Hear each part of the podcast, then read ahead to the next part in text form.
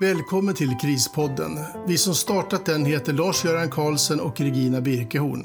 Tillsammans driver vi företaget Krisos AB. Med Krispodden vill vi öka kunskapen hos ung som gammal om hur man kommer vidare i en kris. Vi vill också öka kunskapen om hur man kan leva ett bra liv trots att man varit med om ett trauma. Regina som är krisexpert och författare kommer att berätta om fall hon haft under sina 20 år som krishanterare och på ett praktiskt sätt förklara krispsykologin.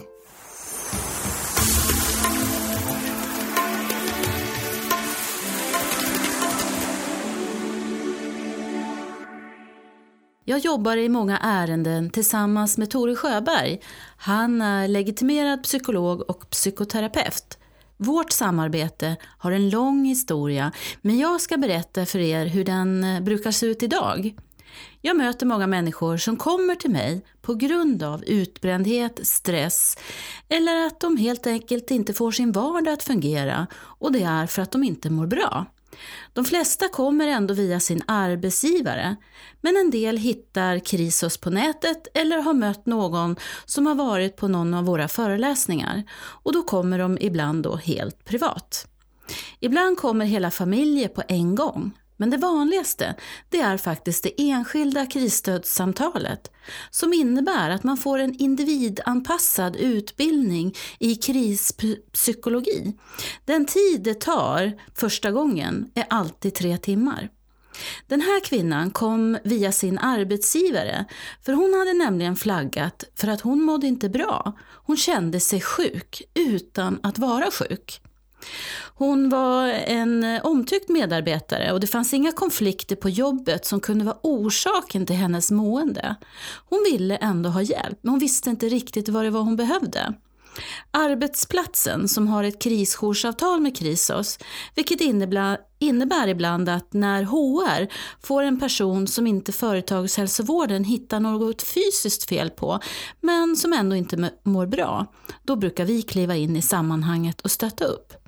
Den här kvinnan berättar för mig om sina sömnproblem, koncentrationssvårigheter och minnet som nu hade börjat svika lite, tyckte hon själv. Hon var annars en aktiv, glad person med många järn i elden. Barnen hade flyttat hemifrån och hon var ensamstående och det hade hon varit sedan länge.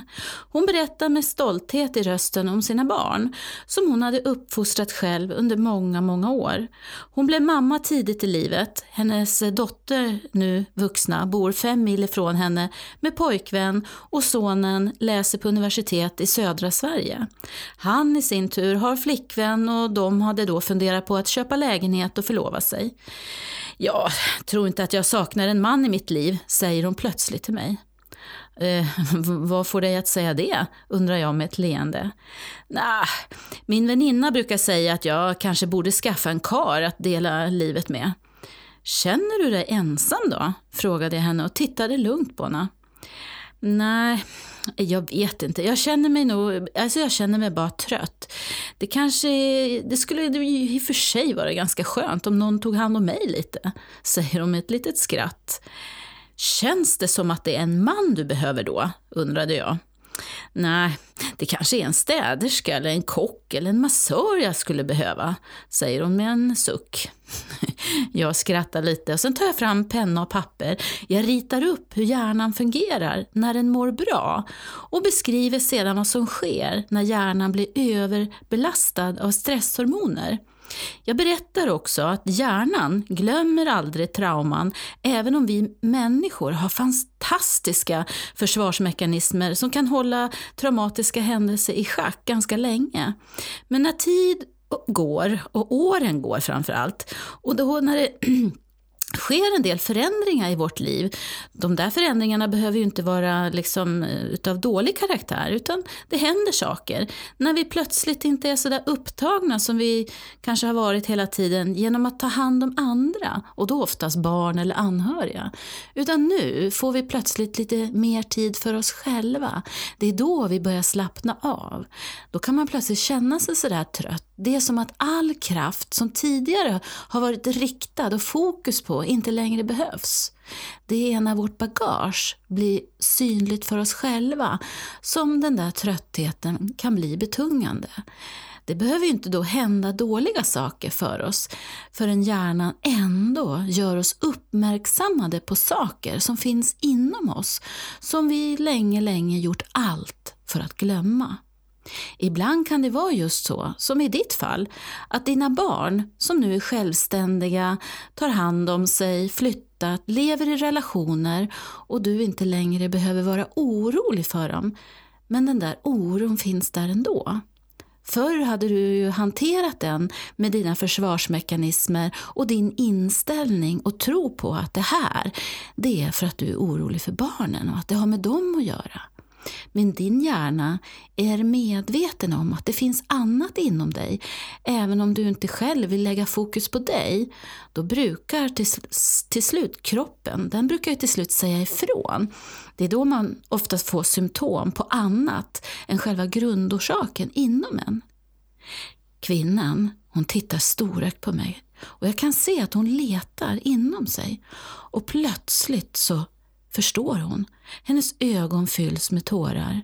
Jag, jag räcker henne en näsduk och sen ramlar allt ur henne. Hon gråter samtidigt som orden bara forsar ur, ur henne. Jag blev utsatt för övergrepp när jag var barn. Min mamma hade en man som bodde hos, hos oss under åren när jag var där, fem, tio år. Under den tiden blev jag utsatt för övergrepp varje gång min mamma inte var hemma. Jag vågade aldrig berätta för mamma.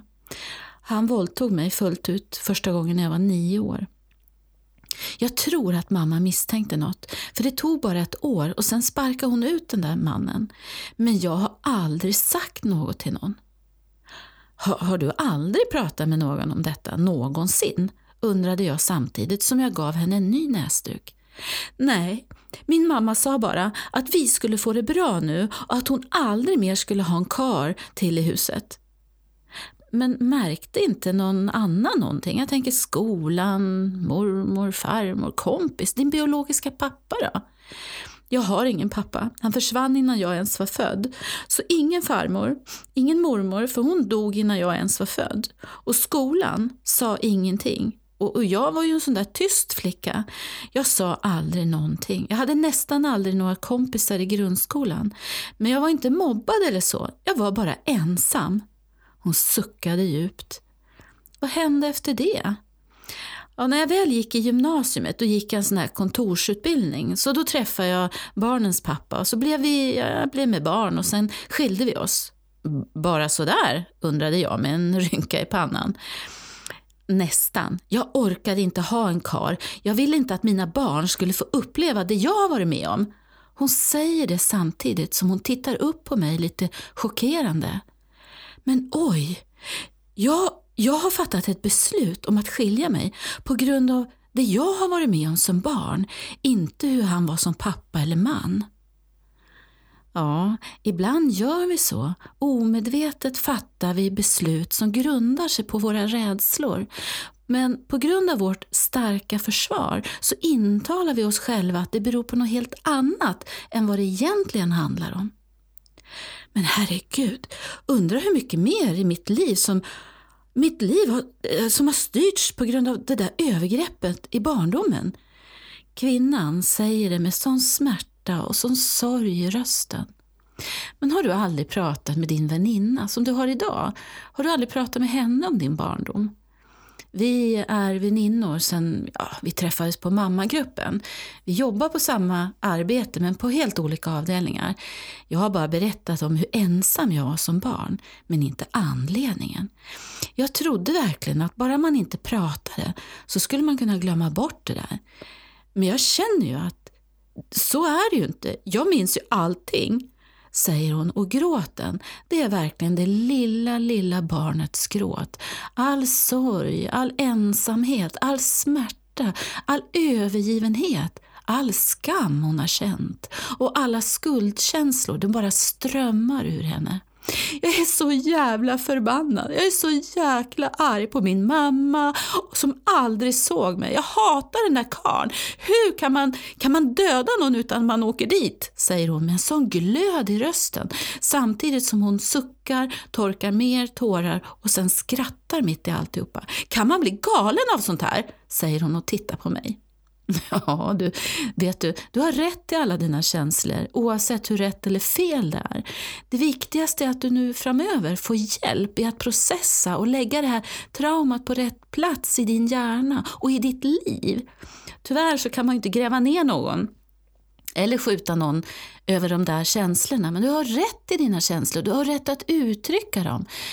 Nu ska du göra rätt saker för dig. Den där mannen och din mamma ska inte fortsätta att fatta dina beslut, utan du ska lära dig att sortera, prioritera, strukturera, tänka framåt. Samtidigt som du nu kan förstå konsekvenserna av allt du har varit med om. Och inte låta det där traumat sänka dig eller hindra dig i dina framtida relationer, vare sig det är med din väninna eller kanske en man i framtiden.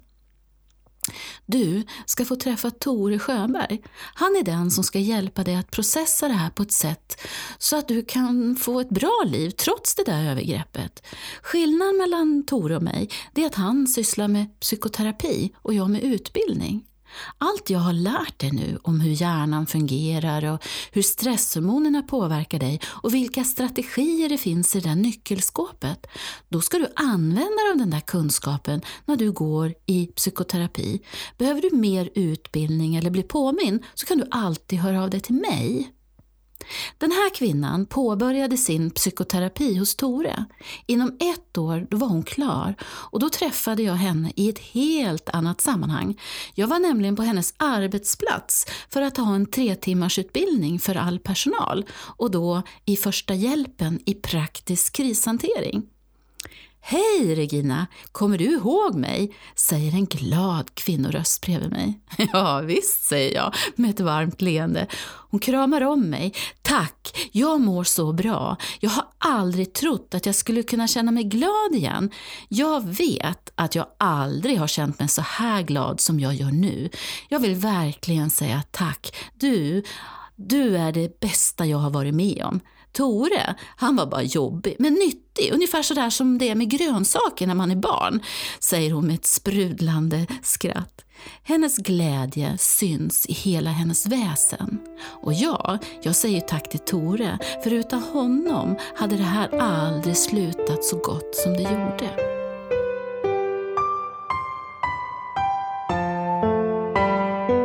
Tack för att du har lyssnat på Krispodden. Om du har frågor till Regina kan du mejla dem till info.krisos.se. Krisos stavas med C.